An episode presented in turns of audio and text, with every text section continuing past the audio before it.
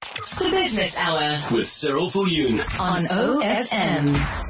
So the alcohol industry has cancelled supplies to 44 outlets in the Western Cape whose licenses have been revoked by the Provincial Liquor Authority.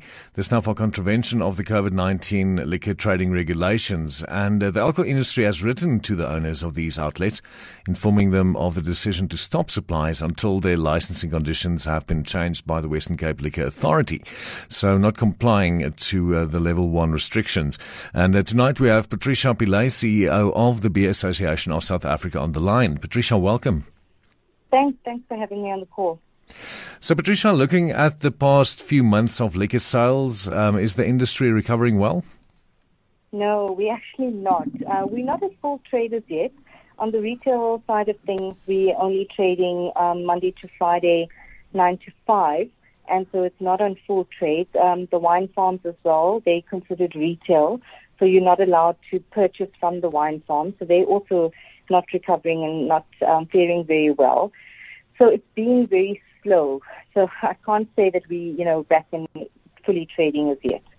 Uh, we've also seen 44 liquor suppliers in the Western Cape lose their license. You know, can, t- can you maybe tell us more about this? And you know, what was the reason for them losing their licenses? There's various uh, reasons, but uh, you know, I can assure you that to lose a license is quite serious.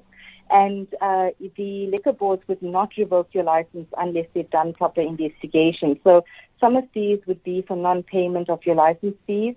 Some of them would obviously be for the breach of lockdown regulations, which we've all seen on news and media, etc. And this is what's most concerning for us is when people are now violating your lockdown regulations, not wearing masks, not keeping to social distance, etc.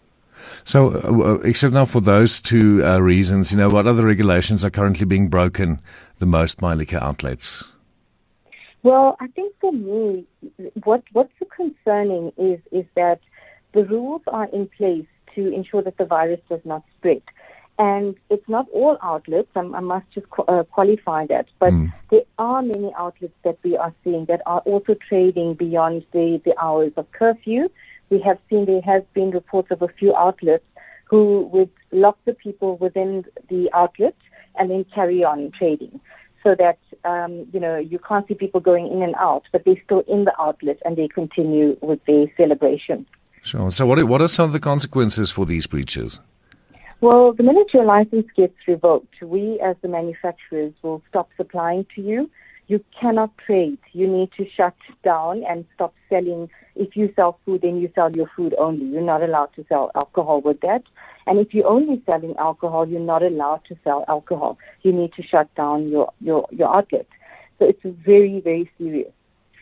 Patricia Pillay, CEO of the Beer Association of South Africa, joining us on the Business Hour this evening. Then, uh, Patricia, um, do you think and feel it's important that uh, we as the public report regulations, uh, regulation breaches rather, if we see them happen in our communities? Please, I think it's you know it's very important, and I think what's disappointing for us as an industry is that we have all fought really hard as an industry to open up. I, I think you know we've been on the radio before when we were not allowed to trade, mm. pleading to government and saying to everyone here that we need to open up. There's livelihoods at stake here, and now we are opened up, and there are just a few business owners who are not complying and that are actually now posing a risk to all of us trading. So for me, it is important when we do see these uh, businesses that are not complying to please report it to our toll-free hotline number. If I can give you that, Yes. 0800 014 856. It is anonymous, and so you won't be, you know, named or shamed by anyone. And you can then let us know where is the outlet, what is the breach that you are seeing. It will then get investigated. It gets reported to SAPS as well as to the liquor authorities, and then the necessary action is taken. So it's 0800 014 856. And please, I think we're all in this together, and we need to make sure that we do the right thing.